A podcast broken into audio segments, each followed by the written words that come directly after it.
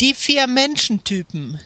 Schon seit vielen Jahrhunderten unterscheidet man grundsätzlich vier Menschentypen.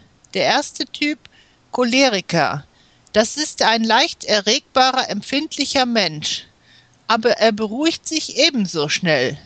Und erst dann kann man ein vernünftiges Wort mit ihm reden. Unter den Cholerikern gibt es viele Schriftsteller, Komponisten, Maler und andere Kunstschaffenden. Der zweite Typ, Sanguiniker. Das ist ein lebhafter Mensch. Er führt ein leichtes Leben. Er hat einen lustigen, liebenswürdigen Charakter. Man kann ihn auch als einen hilfsbereiten, netten Menschen bezeichnen. Sein wichtigster Grundsatz ist Leben und Leben lassen.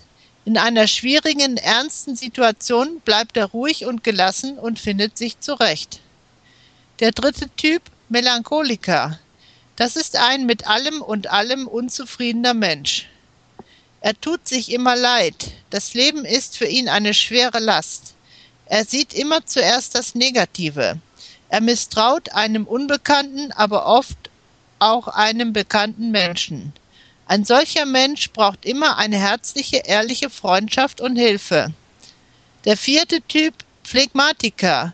Das ist ein bequemer, unempfindlicher, fantasieloser Mensch. Sein ruhiges Leben schätzt er über alles. Er mag keine angenehmen oder unangenehmen Überraschungen.